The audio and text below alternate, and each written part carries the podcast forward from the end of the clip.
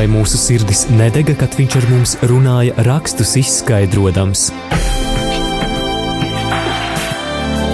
Ceļš uz zem mausu. Lauzīsim kopā Dieva vārda maizi, iedziļinoties dažādos bibliskos tematos.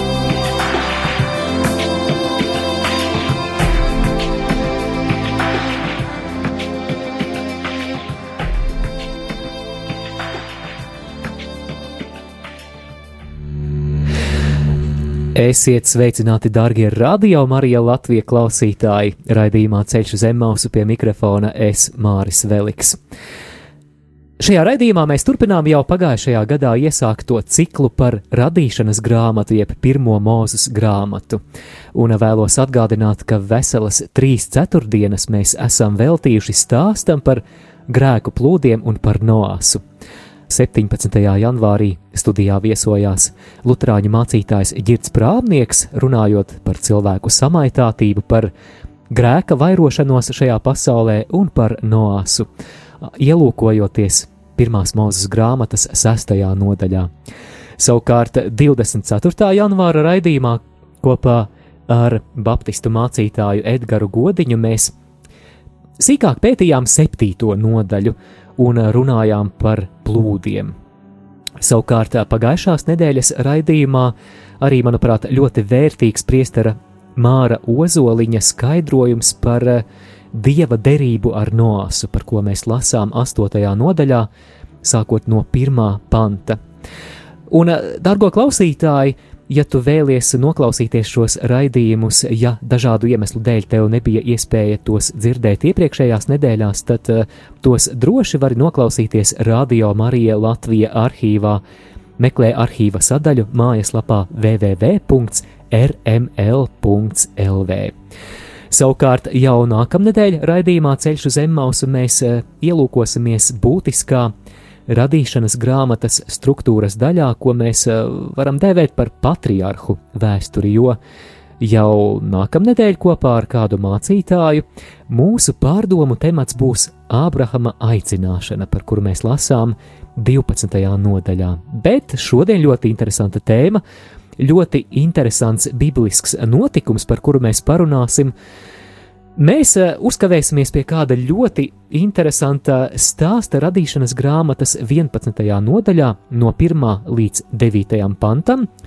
Ja tev šajā brīdī, klausītāji, ir iespēja atvērt eh, svēto rakstu grāmatu, varbūt arī savā mobilajā lietotnē, vari sameklēt pirmās mūzes grāmatas 11. nodaļu, lai kopīgi studētu šo vārdu. Šoreiz mums centrā stāsts par Bābeles torni, Un kāda tad ir Bābeles torņa celšanas nozīme Bībeles kontekstā un arī kā šis notikums saistās ar mūsu dzīvi?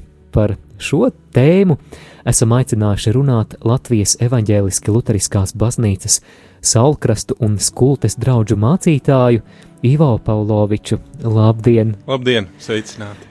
Mācītāji Ivo, mums vienmēr, vienmēr prieks redzēt un satikt jūs šeit studijā, un paldies, ka atradāt laiku, lai kopā ar klausītājiem pārdomātu stāstu par Bābeles torni un, un patiešām, lai svētais gars mūs vada šajā raidījumā, lai mēs visi būtu ieguvēji un lai tas mūs vestu dziļākās attiecībās ar Dievu. Bet mācītā Ivo, kad eh, es jums zvanīju un piedāvāju runāt par šīs grāmatas 11. nodaļas fragment par Bābeles torni, jūs teicāt, hmm, ļoti interesanta tēma.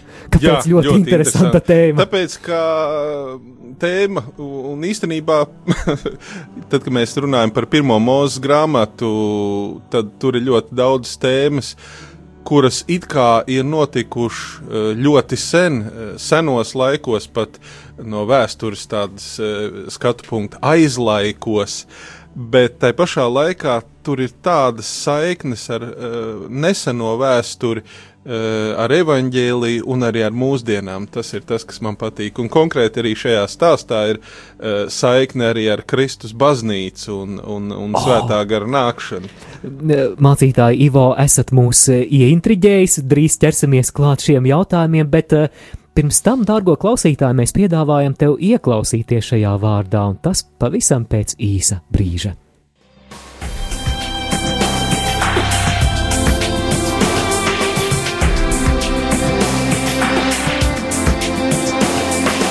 Ceļš uz zemes mausu katru ceturtdienu, pulkstens 17.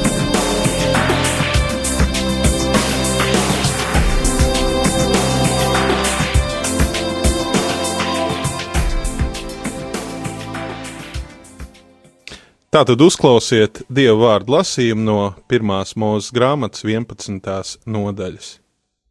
Visai pasaulē toreiz bija viena mēle un vienāda valoda, un kad nu tie savas teltis pārcēla austrumu virzienā, tad tie atrada līdzenumu, Sineāra zemē, un tur apmetās, un teica cit citam: Iesim un taisīsim ķieģeļus, un dedzināsim tos, jo ķieģeļi tiem noderēja akmeņu vietā, un zemes piķis kaļķu vietā.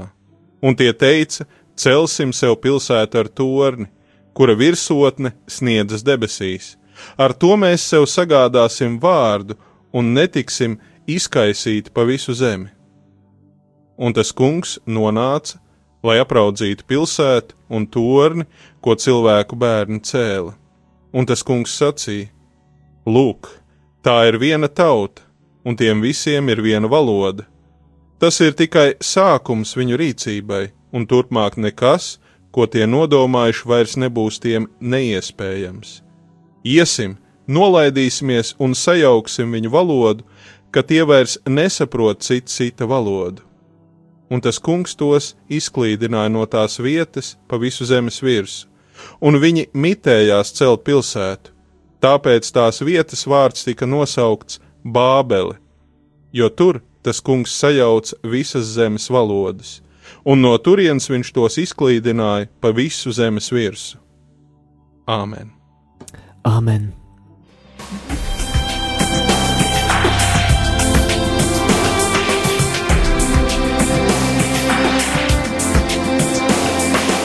Ceļš uz zem mausu katru ceturtdienu, pulkstens 17.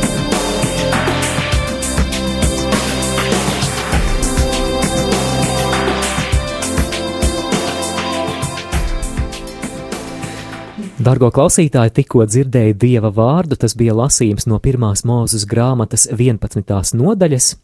Tas bija fragments no 1. līdz 9. pantam, un vēlos atgādināt klausītāji, ka šoreiz eh, kopā ar tevi ir eh, arī Latvijas evaņģēliski luteriskās baznīcas Saulkrast un Skultes draugu mācītājs Ivo Pavlovičs. Tad eh, vārds jums, eh, kas būtu tas eh, svarīgākais aspekts, ar kuru mēs sāksim klausītājiem skaidrojot šo dieva vārdu?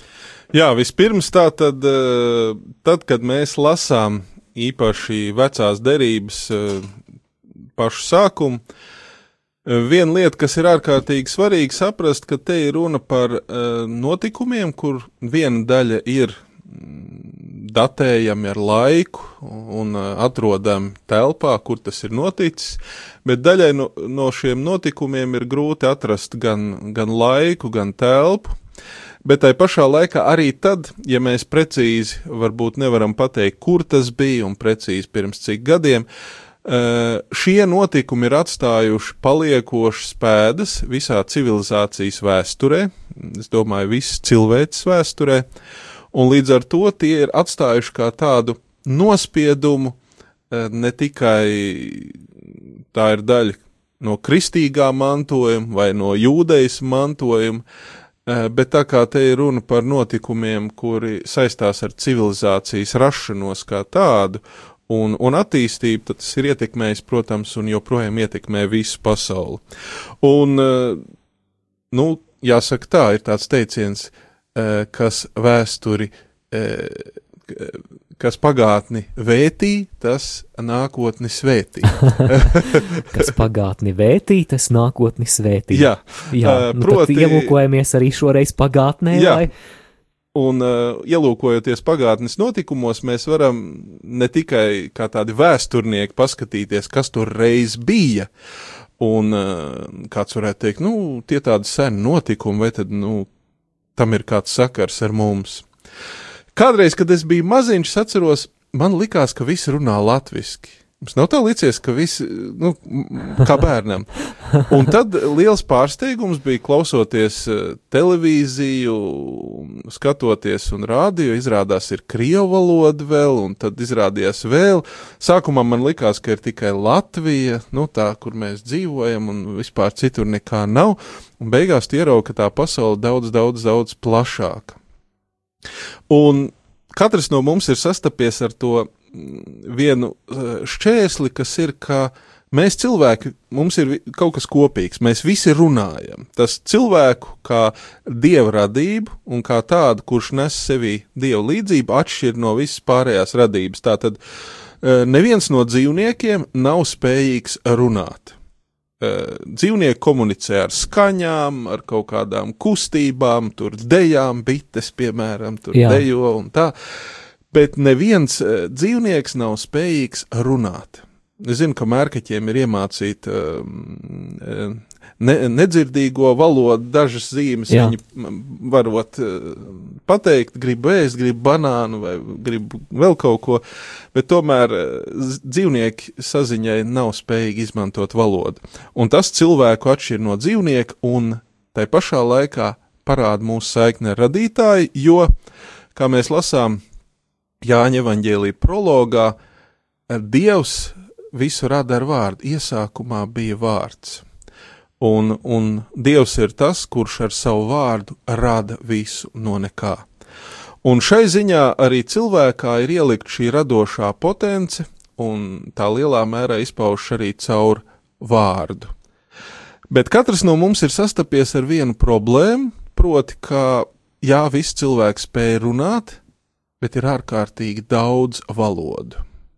Ir tāds jēdziens kā valodu barjera. Jā, un mēs zinām, ka valoda barjera ir eh, ne tikai tādā ziņā, ka tu nesaproti mm, citu valodu. Varbūt, piemēram, arī tā, ka uh, šī valodas barjera ir arī cilvēkam, kurš, ziniet, dažreiz cilvēks saka, nu, it kā runājam vienā valodā par, par dažādām lietām.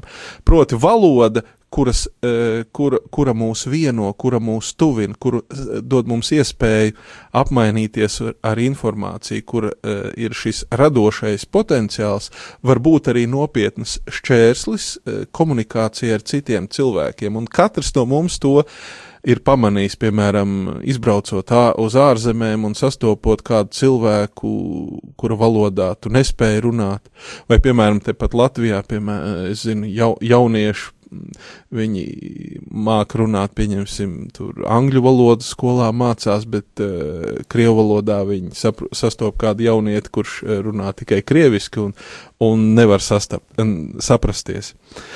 Un tad mēs varam uzdot jautājumu, nu, no, kurienes, no kurienes nāk tas, ka cilvēki tomēr runā dažādās valodās. Un Bībele mums dod uz to atbildi, un šī atbilde ir visai neparasta. Un, un tā, tas neparastums ir tajā, ka uh, nu, mēs tā esam pieraduši uztvert, ka dažādas valodas tā ir tāda dabiska lieta. Nu, dabiski tādā ziņā, ka mēs ienākam pasaulē, kur cilvēki runā dažādās valodās. Bet tad, kad mēs paskatāmies uz radīšanas stāstu, uh, nu, Ādams un Ieva runā ar Dievu, dažreiz rodas jautājums, kādā valodā viņi sarunājās. Mm. Ādams ar Dievu. Uh, un viņi ar Dievu. Viņi taču runāja. Kādā valodā? Kādā valodā runāja pirmie cilvēki? Piemēram, kādā valodā runāja no? Uh, kā? kā? Kas tā bija par valodu? Un tad mēs lasām par šo Bābeles torni, mēs ieraugam, ka sākotnēji visi cilvēki Un tā tad uh, tur jau ir aiz muguras grēku plūdi, uh, tur jau ir uh, aiz muguras pilsētu būvniecība. Tātad civilizācija jau ir paspējusi gan augt, gan attīstīties, gan arī piedzīvot iznīcību un rasties, rasties no jauna, bet joprojām no pasaules radīšanas līdz Bābeles tornim visiem cilvēkiem ir viena valoda, kurā tie runā. Jā, šīs 11. nodaļas pirmais pants es lasīšu no jaunā 2012. gada tulkojuma. Visā zemē bija viena valoda un viena runa. Jā, viena valoda, viena runa. Tas, tas varētu teikt, ka pat uh, iespējams pat dialekti nebija. Nu, ka visi viens otru saprat ļoti skaidri. Tātad uh, šī realitāte, ko mēs saucam par valodu barjeru, nepastāv. Nepastāvēja nekāda valodu barjera. Cilvēki viens otru saprata ļoti labi. Bet uh, jāņem vērā, ka šie cilvēki sākot ar Ādamu un Ievu pēc grēkā krišanas, viņi bija krituši grēkā. Un e, šis iedzimtais grēks, e, kā tāda ļauna sēkla, kas bija viņos, tā turpināja darboties, un šie cilvēki varēja vienoties kopīgam mērķim, bet tā kā viņi jau bija grēkā krituši, grēkā kritusī cilvēks, tad šis vienotais mērķis nevienmēr bija labs. Mēs atceramies eh, mm. tātad pirmo slepkavību, mēs atceramies vēlāko nežēlību, kur, uh, kur uh, dažu vārdu dēļ, piemēram, varēja jaunekli nogalināt, ja kaut kas nepatīk, tur kāds lielījās vai ne. Un Tātad cilvēki varēja vienoties, un cilvēki vienojās, cilvēki cēla pilsētas, cilvēki darīja dažādas lietas. Visbeidzot, Dievs pakļāva visu zemi plūdiem, un palika tikai, ja tā var teikt, dievam tīkami cilvēki, bet viņi no vecās pasaules, no jaunajā ienes to, ko viņi nevarēja neienest šo infekciju, ļauno eh, šo iedzimto grēku. Un, jā, palika pāri, eh, palika dzīvi eh, tie cilvēki, kuri vairāk vai mazāk bija dievam patīkami, bet tomēr šī līdz ar cilvēku vairošanos turpināja vairoties arī grēks. Jā, te man nāk prātā tas, ka pirmās mūzes grāmatas eh, sestajā nodaļā, devītajā pantā, ko mēs aplūkojām arī iepriekšējos raidījumos, ir teikts, ka Noā bija taisns vīrs savā paudzē bez vainas, Noā staigāja ar Dievu, un 22. pantā ir teikts, un Noā darīja visu, ko Dievs viņam pavēlēja, tātad šī paklausība, bet interesanti, ka jau pēc grēku plūdiem mēs uh, lasām par tādu jāsaka, skumju epizodi Noāsa dzīvē, jo viņš piedzeras. Nu jā, un, un visas pārējās sekas. Kādas. Jā, jā un, un, un tas nozīmē, ka jā, cilvēks tiek iznīcināta, bet ļaunums, eh, ļaunumu nav iespējams iznīcināt. Un starp citu, tā ir viena ārkārtīgi svarīga mācība. Iespējams, jau jūs par to iepriekš runājāt, ka Eh, lai kādu politiku, lai kādas polittehnoloģijas mūsdienās būvētu, šīs polittehnoloģijas nedrīkst būvēt uz principu, ka mēs kaut kādā veidā iznīcināsim, ierobežosim vai izskaudīsim sliktos cilvēkus, atstāsim labos un mūsu dzīve būs labāka. O, nu te, te ielūkojoties pat 20. gadsimta vēsturē, jā. mēs ļoti bēdīgi Tieši tā, piemērus, jā, redzam, mēs redzam ļoti režīmi. Jā, un, un visi šie totalitārie režīmi ir balstīti tādā utopiskā idejā, uh, Uh, katram, protams, ir mazliet savs tas uh, skatījums savā griezumā, viņi redz to civilizācijas attīstību, bet ideja pavisam vienkārši. Pēc viņu prāta sliktos cilvēkus vai nu kaut kur sadzīt kaut kādā ierobežotā teritorijā, uh, vai nu pilnīgi iznīcināt, vai liekt viņiem tiesības, un tad pārējiem dzīve būs labāka. Bet vienmēr tas ir beidzies ar elli zemes virsū, un nevienam, ne otriem šī dzīve nekad nav bijusi labāka. Un tā ir tāda, zinām, utopija, Eh, mēģināt, eh, nu, kā saka, šo pasauli cilvēkiem padarīt labāku, atbrīvojoties no sliktajiem cilvēkiem. Un eh, tā pašā laikā, mm, kā mēs lasām arī mm, šodienas tekstā par Bābeles torni, tā tad paliek cilvēki, paliek cilvēkiem spēja vienoties gan labiem, gan sliktiem mērķiem, uh, Bet kā mēs redzam šeit, šie cilvēki vienojas, nu, kā mēs kristieši uzreiz tā teikt, sliktam mērķim. Bet eh, nesteigsimies ar secinājumu. Jā, izdarīsim, izdarīsim vienu lietu, pajautāsim, vai tiešām tā, nu, tā vienkārši un pilnīgi nekļūdīgi šis mērķis, ar kuru uh, vienojas šie cilvēki, ap kuru vienojas šie cilvēki, ir slikts un ļauns uzreiz pēc būtības. Nu, jautāsim pa daļām. Pirmkārt, uh, vai vienoties celt kaut ko kopīgi, tas būtu kaut kas slikts, piemēram, celt kopīgi pilsētu. jā te es klausītājiem atgādināšu, kas ir lasāms 11. nodaļas 4. pantā, un viņi teica, iesim celsim pilsētu un torni. Jā, mēs varētu jautāt, vai celt pilsētu un, ar, un torni, vai tas būtu kaut kas slikts? Nu, pēc Mm, it idejas. kā nē. It kā nē. Jā, Pilsēta, un Mhm. pilsētas jau arī iepriekš, eh, pirms grēku plūdiem cēla, un, un arī tagad, un tā atšķirība ir tā, celsim torni. Nu, varētu teikt, nu, nekāda nosodāma ideja nav. Turklāt mēs redzam, ka tur vēl tehniskas detaļas pieminētas no ķieģeļiem, kurus apdedzinās un kā tur to visu cels. jā, trešais pants, un viņi teica viens otram, iesim, veidosim ķieģeļus un apdedzināsim tos ugunī.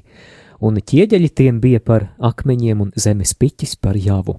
Jā, bet tad mēs ieraugām mērķi, kādēļ šī pilsēta un tornis tiek celts, Mm.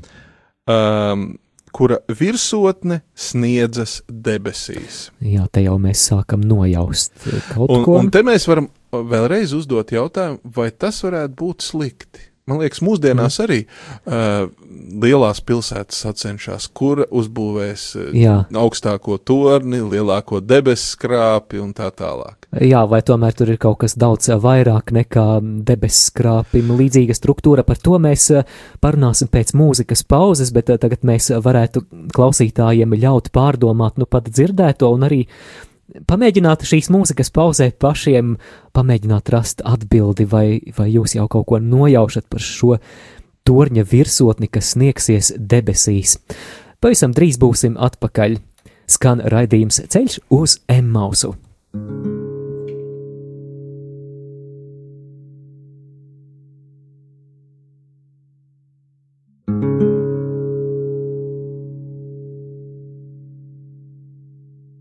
Cik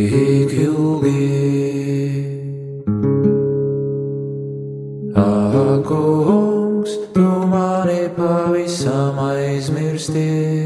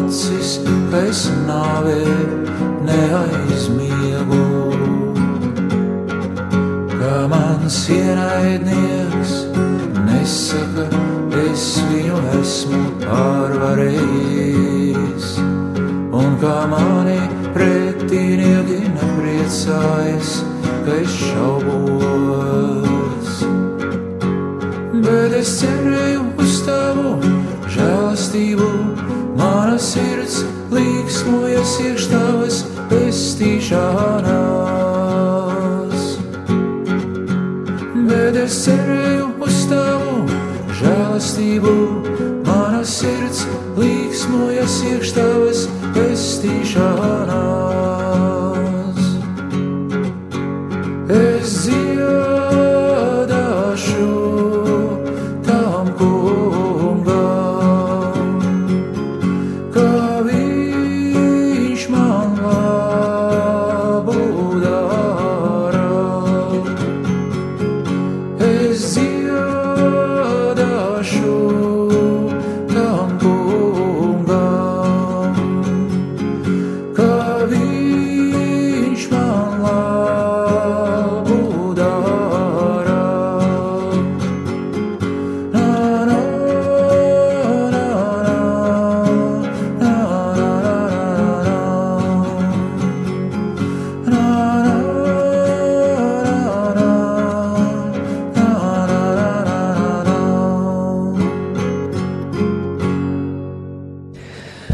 Darbie radio Marija Latvijas klausītāji, šajā ceturtdienas vakarā esam atpakaļ ēterā raidījumā Ceļš uz Emmausu šeit pie mikrofona es Māris Veliks, un uh, kopā ar mums arī Latvijas evaņģēliski luteriskās baznīcas saulkrast un skultes draudžu mācītājs Ivo Paulovičs.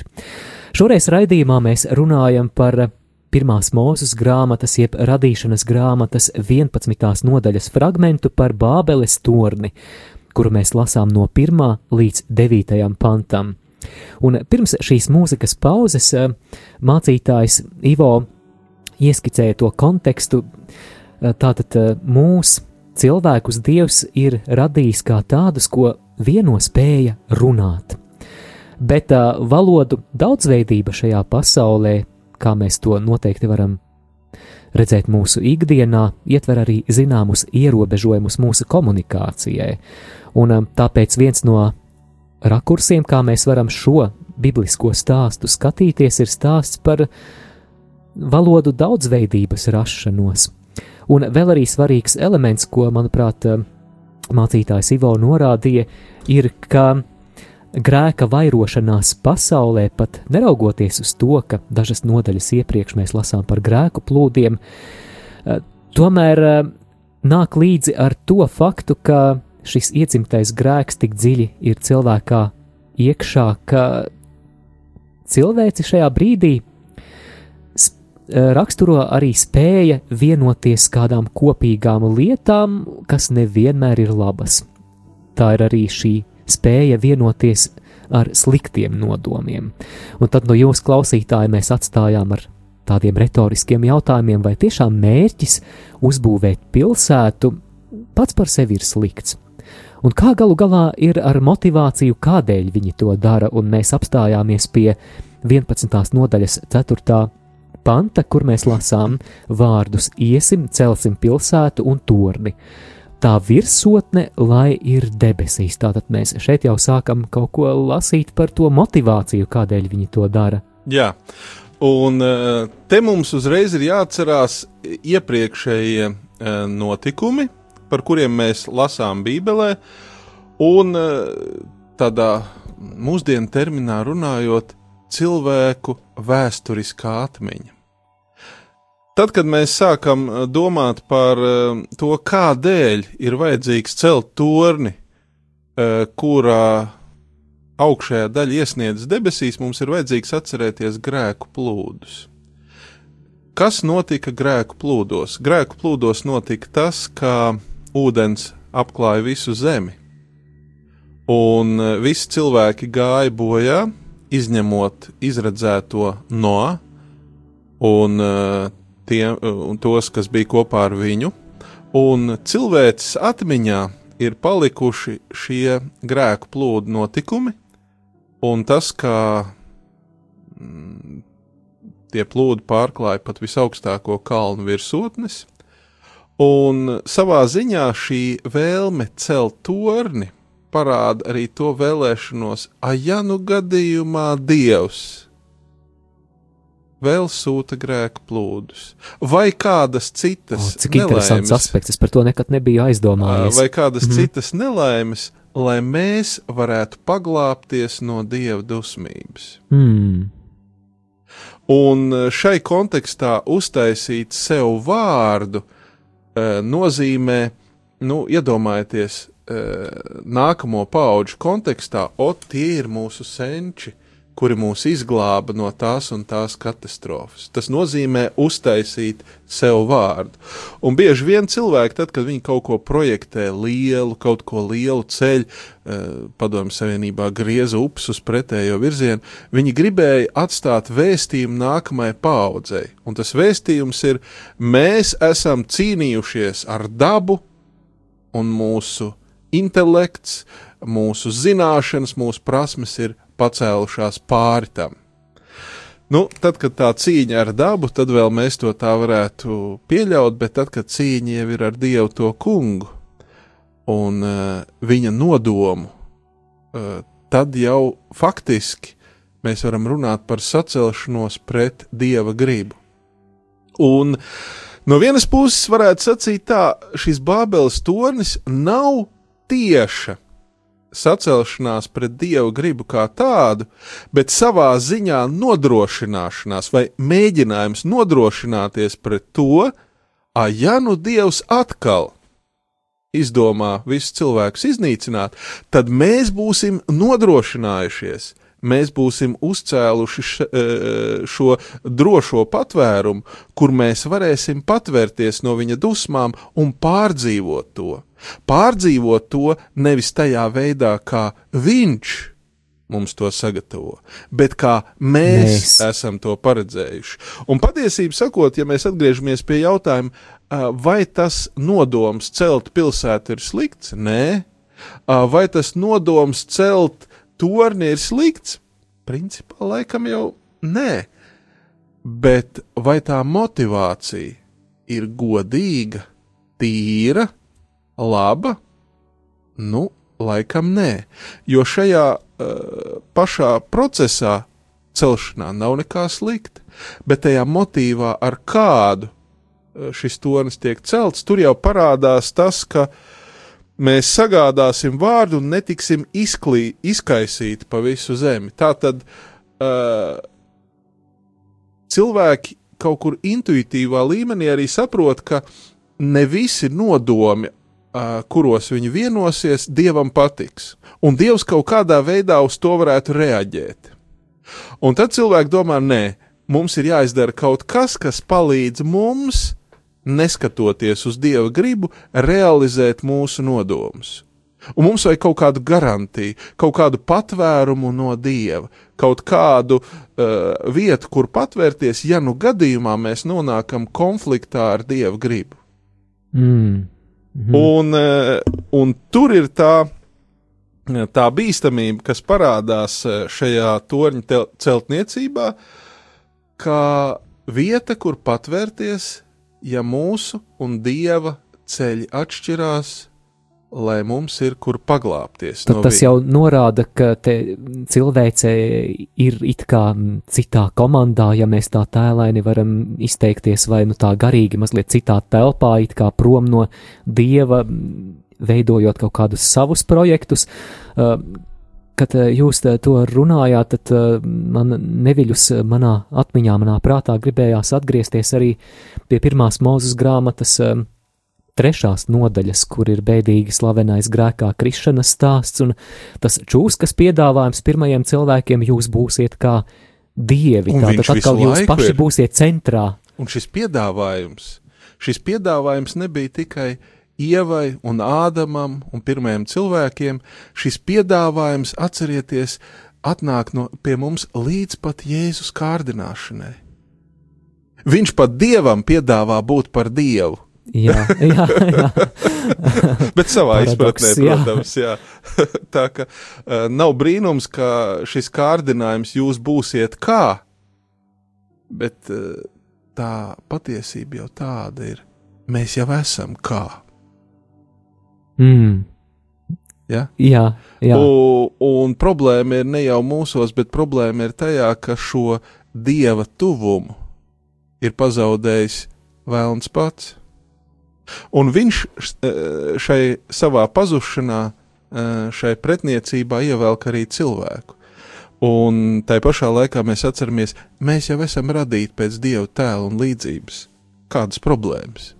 Tas Mm. mūsos jau ir. Jā, Vienīgais- savukārt eh, tajā stāstā par Jēzus kārdināšanu, man šķiet, ja Mateja evaņģēlijā tā varētu būt ceturtā nodaļa.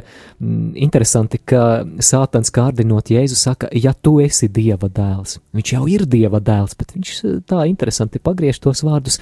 Nu, ja tu esi Dieva dēls, tā ka par to varbūt var šaubīties, Jā, varbūt bet tev tā retorika jāpierāda. ir ļoti līdzīga tai, eh, vai tiešām Dievs ir aizliedzis no visiem. Jā, Tad, tad maziņas šaubiņas Jā.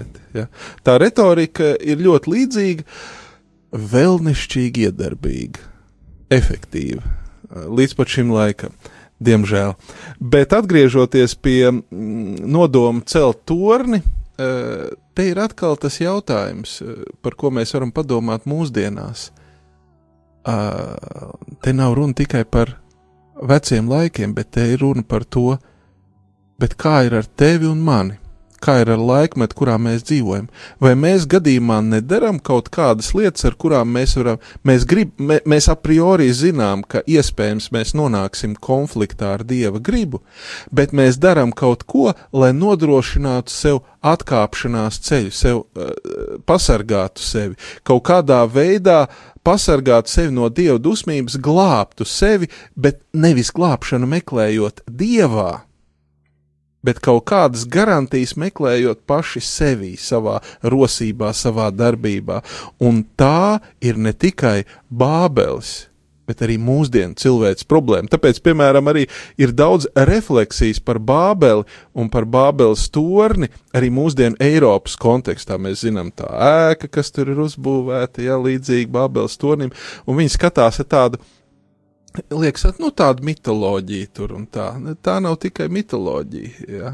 Tur ir kaut kādas tās uh, principiālās lietas, ka uz kāda pamata mēs vienojamies. Vai mēs vienojamies uh, cilvēki, vienojamies vienā domā, vienā idejā kopā ar Dievu, vai vienā domā un vienā idejā pret Dievu, vai ja ne tieši pret, tad pa atšķirīgu ceļu iet? Manuprāt, šis ir ļoti labs jautājums arī klausītāju pārdomām, tāpēc uh, dodamies mūzikas pauzē un drīz būsim atpakaļ. Un, dargo klausītāji, kamēr skanēs šīs mūzikas skaņas, uh, vari padomāt savā sirdī par šo jautājumu, ko mācītājs Ivo uzdeva, kā ir ar mums, vai mēs savā dzīvē nepieļaujam kaut kādas lietas, kurās mēs nonākam konfliktā ar Dievu, bet tai pašā laikā mēs paši mēģinām sev nodrošināt kaut kādus atkāpšanās ceļus.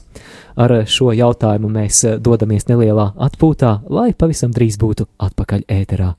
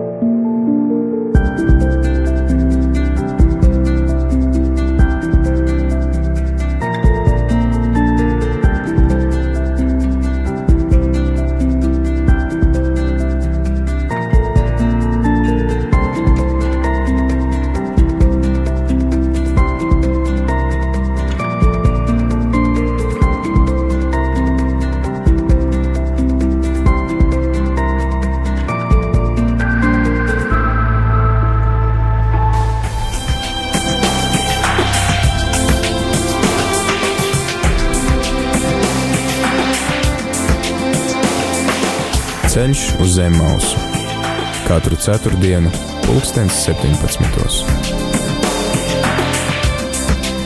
Dārgo radiokamā arī klausītāji, ja tikko esi ieslēdzis savu radioaparātu vai citu skanošo ierīci, vēlos atgādināt, ka šoreiz raidījumā Ceļš uz Zemmausu mēs turpinām ciklu par radīšanas, jeb pirmo mūzes grāmatu un esam nonākuši jau līdz 11. nodaļai, kur mēs lasām stāstu par Bābeles torni un Šoreiz kopā ar mums arī Saulkrastu un Skultes Lutāņu draugu mācītājs Ivo Paulovičs, un pirms mūzikas pauzes mēs uzkavējāmies pie 11. nodaļas 4. panta, vēlreiz nolasīšu, un viņi teica: Iesim, celsim pilsētu un torni, tā virsotne, lai ir debesīs. Darīsim sev vārdu, lai netiekam izklīdināti pa visu zemes virsmu. mācītāja Ivo, mani ļoti uzrunāja tas, ko jūs runājāt, ka šis ir cilvēces mēģinājums nodrošināt atkāpšanās ceļu, ja nu gadījumā Dievs atkal sūta grēku plūdus. Mēs jau iepriekšējās nodaļās lasījām stāstu par Noāsu un par grēku plūdiem. Ja nu tas atkal notiek, tad nu, jāparūpējās par to savu drošību, un tas būs mūsu tāds pašu personiskais, cilvēciskais risinājums, cilvēciskā schēma. Un um, Klausītāji, mēs jūs arī atstājām pirms mūzikas pauzes ar šo pārdomu jautājumu, kā ir ar mūsu dzīvi, vai arī mēs savā dzīvē veicam kādas lietas, kuras nonāk kompromisā ar dieva gribu, tai pašā laikā mēs arī paturam prātā kādus iespējamos risinājumus, kādus atkāpšanās ceļus, kuru autori esam mēs paši.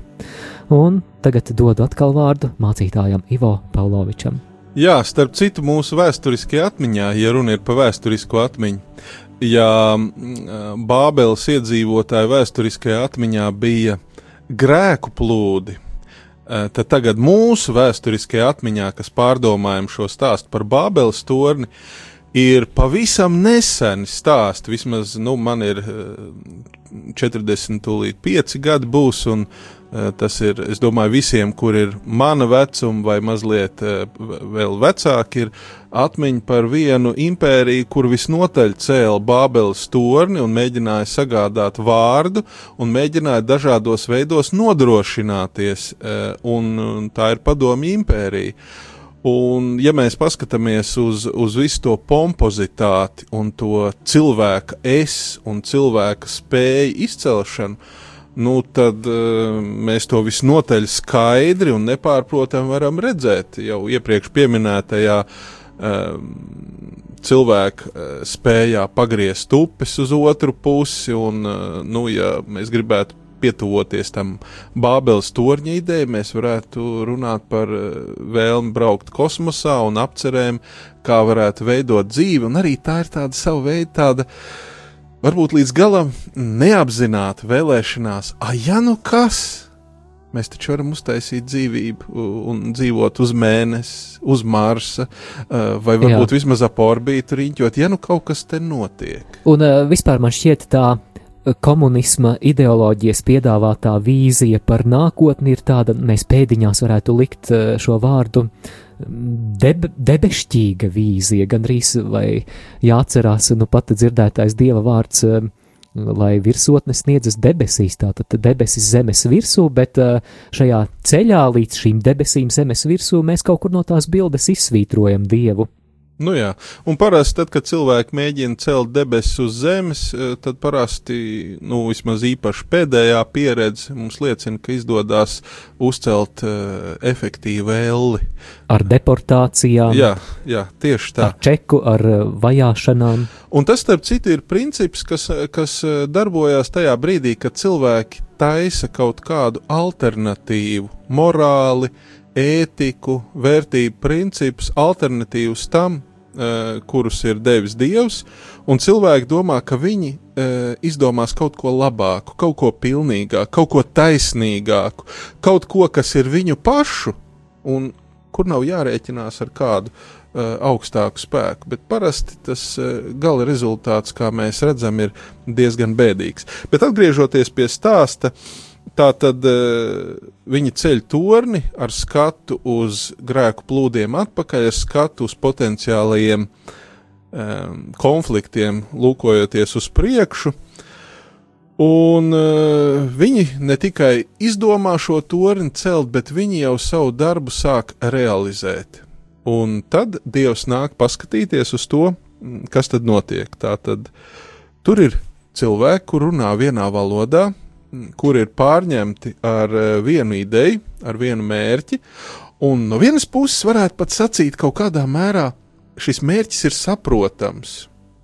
Viņi rūpējas, piedodiet par tādu mūsdienu, mm, tādu mm, sarkasmu, viņi rūpējas par ekoloģiju. Eh, viņi cenšas iz, iz, rūpēties par to, lai nav kādas globālas kataklizmas, Viņi cenšas eh, darīt tā, lai cilvēkiem būtu labi. Viņi cenšas eh, parūpēties par to, lai sabiedrība ir ilgspējīga. Eh, bet tai pašā laikā viņu rūpes ir vērstas prom no dieva. Un viņi jau sevi redz kā dievu pretiniekus. Un tai brīdī sākas problēma. Un, ja tā var teikt, viņi vēl īsti par tādiem galīgiem dievu pretiniekiem nav kļuvuši, jo tad, kad mēs tā rūpīgi paskatāmies, dievs nonāk apskatās, un tad e, te ir e, tas secinājums, ko tad dievs saka. Sastais pants. Jā, lūk, tā ir viena tauta, tiem ir viena valoda. Tas ir tikai sākums viņu rīcībai. Tas tikai sākums. Mm. Un turpmāk nekas, ko tie nodomājuši, vairs nebūs tiem neiespējams. Tā tad viņi nodrošināsies, e, vismaz tā viņi domā, nodrošināsies pret dievu, pret viņu dusmību. Tas ir diezgan infantīli, protams, no cilvēku skatu punkta. Viņi, e, kā saka, at, atējot prom no dieva, viņi arī neapzinās to dievu varenību un spēku, ka tāds tornis tomēr ir ja nu Dievs uz viņiem dusmosies, viņus tomēr nepasargās. Bet tomēr šī iekšējā vēlēšanās, šī bērnišķīgā, ziniet, tā kā bērni arī no savus nedarbus no vecākiem mēģina slēpt un, un darīt kaut kādas lietas pret vecāku gribu. Un, un neizdodas. Un neizdodas parasti viņi tiek atmaskoti. Tā arī ar cilvēkiem. Un tad Dievs apstādina viņu nodomus, eh, un, un te ir atkal tāda svarīga lieta. Apstādina viņu nodomus nevis tajā brīdī, ka viņi Eh, viss process ir noveduši neatgriezeniski tālu prom, un šī plaisa starp cilvēkiem un dievu būtu jau katastrofāla, ka tur varbūt neatlikt nekas kā nu, iznīcināt šo cilvēci, bet Dievs uh, saka, ka iesim, nolaidīsimies, sajauksim viņu valodu, ka tie vairs nesaprot citu cita valodu. Tā tad Dieva mērķis ir nav vienkārši sajaukt cilvēku valodas vai vienkārši cilvēku no cilvēka šķirt. Bet patiesību sakot, ja tā var teikt, šis ir mazākais ļaunums no iespējamā. Mm, Dievs redz šo iespējamā ļaunuma potenciālu. Jā, viņš redz šo ļaunuma potenciālu, ka, ka viņiem vairs nekas nebūs neiespējams. Viņi vienkārši kļūst bezkaunīgi un, un neierobežoti savā ļaunumā. Un mazākais ļaunums ir uh, lai saglabātu saprašanos ar Dievu, vismaz kaut kādā mērā, ir ierobežot cilvēku saprašanos savā starpā, eh, kur viņi vēlas realizēt šo savu nu, bezdievīgo vai pretdievu vērsto vai no dieva, lai bēgtu vērsto eh, nodomu. Ja? Un tas ir mazākais ļaunums, ko Dievs dara. Viņš pieļauj to, ka valodas tiek sajauktas. Un, protams, cilvēki viens otru nesaprot. Un te mēs varētu uzreiz teikt, jā, kā sekas tam, nu, mēs varētu teikt, tauta karo pret tautu, valsts pret valsti, viena etniska kopiena pret citu, un mēs varētu teikt, no kurienes tas viss? Nu, savā ziņā šī valodu sajaukšanās vai valodu sajaukšana ir kā sekas cilvēku vēlmei sacelties pret Dievu, Bet te ir atkal jāsaka, cilvēki saceļoties pret Dievu varēja iznīcināt sevi pilnībā, tādēļ Dievs sajauc viņu valodas, lai viņi kaut kādi konflikti paliek, kaut kādas cilvēku daļas pretstāvēšana Dievam paliek, bet vairs nav šī iespēja, ka visa cilvēce tā monolīti vienojas pret Dievu. Ja? Jā. Un tā spriedze no visas cilvēces, no visiem cilvēkiem pret Dievu, uh, tiek sadalīta uh, savā ziņā, kas ir spriedze un pretstāvēšana vienai daļai cilvēku pret Dievu un vienai daļai cilvēku pret cilvēkiem iekšēji. Jā. Un, un, un tai, ziņā, uh, tai ziņā jāsaka tā, nu, tas ir labāk tomēr nekā pilnīga iznīcība. Tas dod iespēju tiem, kuri ir pret Dievu.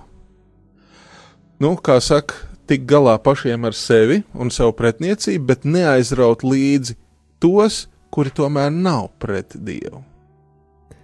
Un te mēs atkal varam mest vienu tiltu, ko es jau gribēju iepriekš mest uz notikumiem, kas ir vairākus tūkstošus gadu vēlāk, un proti uz Kristus baznīcu un uz Vasaras svētku notikumu. Un, un šie divi notikumi sasaucās e, savā starpā. Proti, viena valoda, kurā cilvēki runāja ar Dievu, viens ar otru, un tad, kad grēks ienāca pa vidu, protams, chronoloģiski Dievs bija pacietīgs, zinām laiku ļaujot runāt vienā valodā, bet tad, kad grēks ienāk cilvēku starpā, cilvēki pārstāja viens otru saprast. Grēks kļūst par e, patiesībā nevis valodu barjeru, ir, bet e, grēks šķir cilvēku no cilvēka, un arī liedz iespēju komunicēt un saprasties vienam ar otru. Un tas, kas notiek vasaras svētkos, kad nāk svētais gars, mēs atceramies to brīnumu, ka notiek savā veidā atgriešanās tajā situācijā, kāda bija pat eh, pirms grēkā krišanas. Dievs runā ar cilvēkiem, cilvēki runā ar Dievu, visi visu saprot, ir viena valoda. Ja? Cik skaisti. Un, eh, un tas iezīmē šo jauno virzienu, kas līdz ar Kristus nākšanu ir pasaulē, un par ko Kristus saka savu baznīcu, es lieku pasaulē, Ellis vārtiem to nebūs uzvarēt. Jā, es eh, arī esmu uzmeklējis apstuļu darbu grāmatā otro nodaļu, un, dargo klausītāji, ieklausies eh, šī vasaras svētku notikuma aprakstā, un arī mēģini saskatīt šīs paralēles. Un viņiem parādījās it kā uguns mēlis, tās sadalījās un nolaidās uz ikvienu no tiem. Un visus piepildīja svētais gars, un viņi sāka runāt svešās mēlēs, kā gars viņiem deva izrunāt. Bet Jeruzalemē dzīvoja jūdi, dievbijīgi vīri no visām pasaules tautām. Kad šīs skaņas kļuva dzirdamas, Daudz ļaužu pulcējās, un visi bija lielā apjukumā, jo katrs dzirdēja viņus runājam savā valodā. Tie baidījās un brīnīdamies runāja, vai visi šie, kas runā, nav galilejieši, un kā gan mēs viņus dzirdam katrs savā dzimtajā valodā. Un tālāk, 11. pantā, mēs visi dzirdam mūsu valodās, viņus teicam, dieva varenos darbus, lūk, šī jaunā sapratne Jā, un tur ir tas vasaras svētku brīnums, ka Dievs savā svētajā garā, un, un mēs varētu sacīt tā, ka svētā gara darbība uh, Bābeles turnī bija tajā, ka Dievs sajauca valodas, lai izjauktu cilvēku pretniecisko nodomu sacelties pret Dievu. Un savukārt uh, vasaras svētkos Dievs vienoja cilvēkus, kur ir no dažādām, uh, kuri runā dažādās valodās un dialektos, vienoja, lai visi dzirdētu dievu balsi, lai visi dzirdētu lielos dievu darbus, un lai visi vienprātīgi varētu tos apliecināt, slavēt un sekot. Un te iezīmējas Kristus baznīcas šis universālais raksturs, un tas, ka Kristus baznīca ir aicināta runāt vienā valodā. Kas tā ir par valodu? Tā ir svētā gara valoda, Jā. kura ļauj saprasties cilvēkiem no dažādām tautām, no dažādām valstīm, kuri runā dažādos dialektos, garā saprasties un runāt vienam ar otru. Un ir interesanti arī tās liecības, ka Dieva svētais gars nu, man nenāk prātā konkrēts datums un nos, laiks, bet es atceros tādas liecības, ka ir cilvēki, kur, piemēram, ir spējuši runāt valodā, kuru nav mācījušies, un citi ir sapratuši. Nu, dažādi misionāri Jā, vai kristīgā kontekstā, uh, kur, kur ir šīs liecības, ka cilvēki ir spējuši runāt un uzrunāt citus cilvēkus, uh, nezinot valodu. Un te parādās tas moments, jā, kad cilvēks seko dieva gribai, kad cilvēks uztic savu dzīvi un savus darbus dievam, valoda vairs nav šķērslis, vai vismaz tas nav cilvēks sadalošais un šķiros, šķirošais šķērslis, bet cilvēki garā vienoti pārvar arī valodas barjeru. Un, un ir interesanti, ka Kristus baznīca, kā mēs to tagad šai brīdī ļoti labi piedzīvojam, ka Dievs uz mums runā latviešu valodā. Mēs lasām Dievu vārdu, Jā. un Dievs uz mums runā latviešu valodā, un Ādams un Ieva runā latviešu valodā, un Jēzus runā latviešu valodā uz mums, un apstuļi, un, un, un, un, un visi runā uz mums latviešu valodā, un mēs dzirdam, eh, mēs lasām, mēs saprotam, ko Dievs mums saka, un tas nav apslēpts. Un te parādās tas, tas ka ja mēs esam tajā Dieva nodomā, ja mēs Eh, nebūvējam sev atkāpšanās ceļus no dieva, bet ja mēs domājam par to, kā sekot dievam, eh, tad arī tas šķērslis, kas šķir cilvēkus, valoda vairs nav šķērslis. Un to droši vien ir piedzīvojuši arī dažādi kristieši, kuri ir sastapuši, piemēram, ceļojot kaut kur citus ticības brāļus un māsas, vai, vai uzņemot pie sevis, piemēram, tagad arī, kad bija šī pirms kāda laika šī tezē jauniešu tikšanās Jā. arī uh, Latvijā, Rīgā, un tu vari piedzīvot to, ka Kristus baznīca no vienas puses runā visās un patiesībā vienā valodā. Un te ir tas pretējais process, pretējais, kas ir uh, tam, kas notika pie Bābeles torņa. Ja cilvēki vienojas tam mērķim, kurš uh, saskana ar dieva gribu,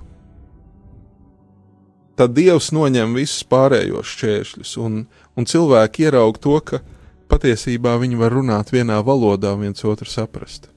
Tas ir satriecoši brīnišķīgi, ka, eh, ka šajā raidījumā un arī šajā Bībeles stāstā mēs no senas, senas aizvēstures esam nonākuši līdz baznīcas dzimšanai un arī ielūkojušies mūsdienās, kur pateicība Jēzum Kristum pateicība Dievam, ka mēs varam runāt vienā svētā gara valodā, vienā evaņģēlija valodā, bet uh, laiks nepielūdzam ir tik ātri aizsteidzies, uh, ir laiks noslēgt šo raidījumu, es zinu, ka klausītāji un ik viens no mums mēs savā dzīvē cīnāmies to garīgo cīņu, lai sekotu šai Dieva gribai, lai, kā jūs teicāt, lai mēs būtu Dieva nodomā, un uh, Mācītāji Ivo, kā būtu, ja mēs raidījumu noslēgtu ar kādu īsu lūkšanu par visiem klausītājiem, lai, lai Dievs viņus vada šajā savā plānā un, un uzticībā viņa, viņa gribai?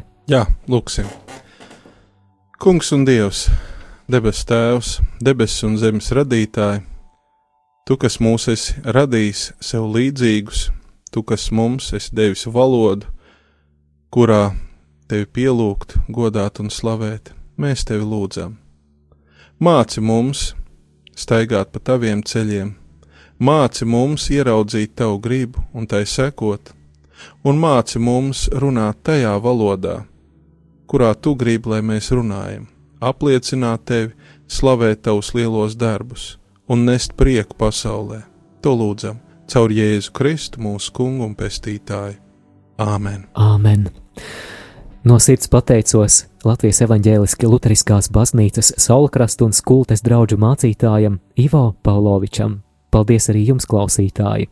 Šeit ēterā raidījumā Ceļš uz Zemmausu biju arī es, Māris Veliks. Jau nākamnedēļ, ceturtdien, pulksten piecos, turpinām studēt pirmo mūzes grāmatu.